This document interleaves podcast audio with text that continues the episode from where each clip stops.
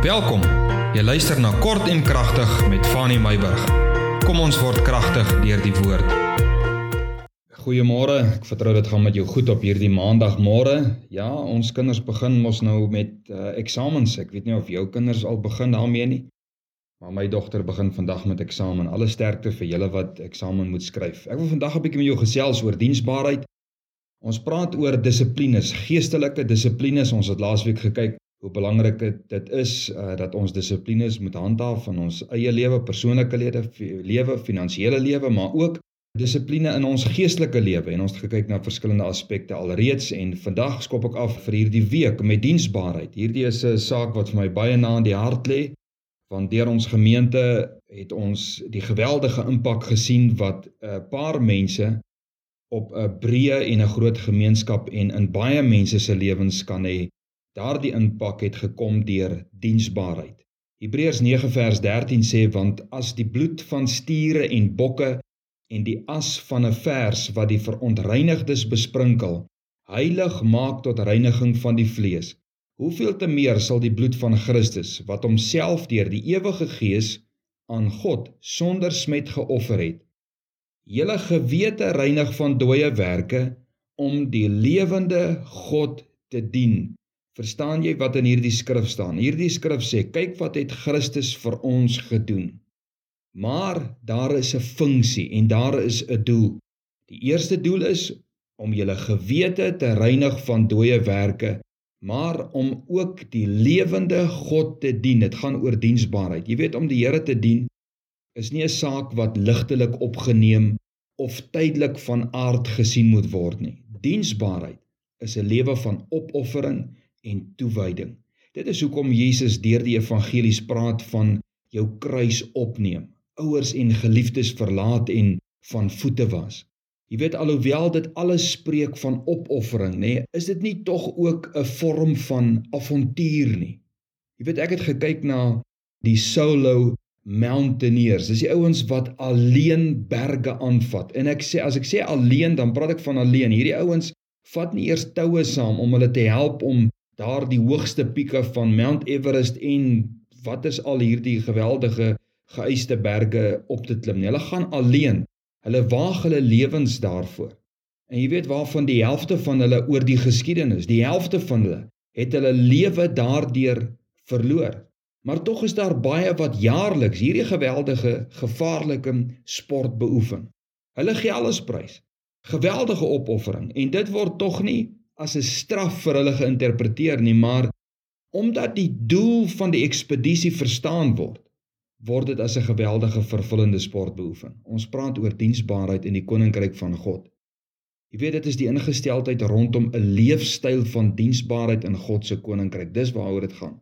Vir baie is diensbaarheid om voor 'n gehoor die woord te bedien of om voor 'n gehoor te sing, maar vir die meerderheid is diensbaarheid veldwerk enige iets van die klankbord tot diens in kleuterskole en ouerhuise.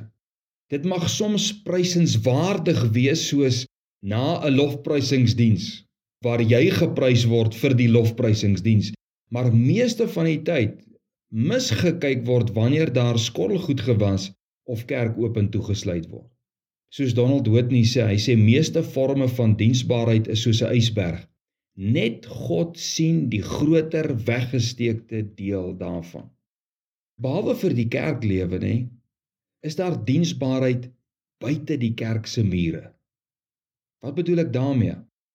Hulp teenoor jou buurman, 'n bord warm kos in tye van krisis, vervoer van kinders miskien na skool en van die skool. Jy help en die belangrikste en tog die moeilikste van almal. Hoor 'n bietjie of jy met my saamstem. Die belangrikste en tog die moeilikste van almal is diensbaarheid in jou eie huis. Is dit nie maklik om vir 'n vreemdeling iets goeds te doen en lof daarvoor te ontvang nie? Is dit tog nie die moeilikste om in jou eie huis diensbaar te wees en dalk nie eens raak gesien te word deur die mede huisbewoners nie? Diensbaarheid spreek twee van die dodelikste vormes van sondes aan en dit is luiheid en trots. Jy weet hierdie twee sondes nê, sit kettinge aan ons hande en ons voete sodat ons nie diensbaar sal wees soos ons weet ons veronderstel is om te wees nie. Diensbaarheid is 'n geestelike dissipline en dit moet toegepas word. Diensbaarheid word nie net vir sekere individue voorgeskryf in die Bybel nie. Maar wanneer Jesus ons roep, roep hy ons nie net uit sonde nie, maar ook weg van ledigheid en luiheid. En dit roep ons tot diensbaarheid. So wat is diensbaarheid volgens die woord? Diensbaarheid is gehoorsaamheid, kind van die Here. Deuteronomium 13 vers 4 sê, hoor wat sê hy? Hy sê julle moet die Here, julle God navolg. Julle moet die Here, julle God vrees. Julle moet die Here, julle God se gebooie hou. Julle moet die Here, julle God na sy stem luister. En julle moet die Here, julle God dien en julle julle moet die Here, julle God aanhang. Diensbaarheid is gehoorsaamheid. Ons is diensbaar want ons wil aan God gehoorsaam wees. Wat is diensbaarheid volgens die woord van God? Dit is gehoorsaamheid.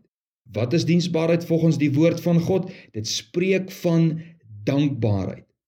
Dis mooi wat Samuel sê. 1 Samuel 12 vers 2. Hy sê vrees net die Here en dien hom getrou met julle hele hart.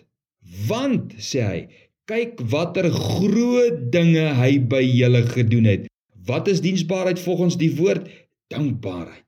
Diensbaarheid sal nie vir jou swaar wees as jy dink aan al die goedheid wat God teenoor jou bewys het nie. Is dit nie so nie? So wat is ons gesindheid dan agter diensbaarheid? Ons gesindheid is blydskap. Psalm 100 vers 2. Dawid se opdrag eintlik rondom diensbaarheid is dit moet met blydskap beoefen word. Hy sê dien die Here met blydskap.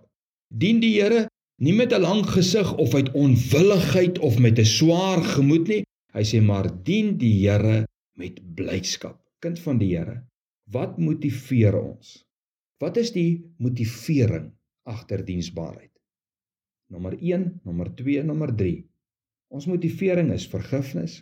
Ons motivering is nederigheid. Ons motivering is liefde. Vergifnis. Waarom dien jy die Here? Is dit uit skuldgevoel? Ek moet nou die Here doen anders of is dit omdat jy vergifnis gesmaak het? Is dit nie so Samuel gesê het as jy kyk na die goedheid van God dan omdat jy daardie vergifnis gesmaak het, daarom is jy diensbaar. Diensbaarheid is 'n geweldige vorm van dankbaarheid teenoor die genade vir die vergifnis wat jy ontvang het. En uit dankbaarheid dien jy die Here met blydskap. Dankie Here vir vergifnis. Nommer 2 nederigheid. Jesus se totale aanslag teenoor die mensdom en veral teenoor sy disippels om hulle te leer was nederigheid. En die duidelikste vorm van diensbaarheid teenoor sy disippels was deur hulle voete te was, is dit nie so nie?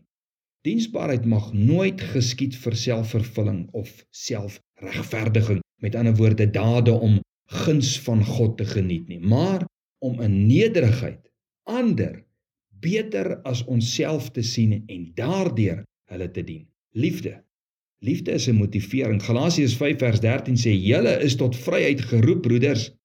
Gebruik nie julle vryheid as 'n aanleiding vir die vlees nie, maar dien mekaar deur liefde." Wat motiveer ons tot diensbaarheid? Liefde. Wanneer jy dien uit liefde, dan gaan dit nie oor um, vergoeding nie. Dit wat jy daaruit kan kry nie, maar jy doen dit bloot uit jou liefde vir God en vir jou medemens. So wat van die gawes en die bedieninge. Wat van die gawes van die Gees en die bedieninge van die Gees?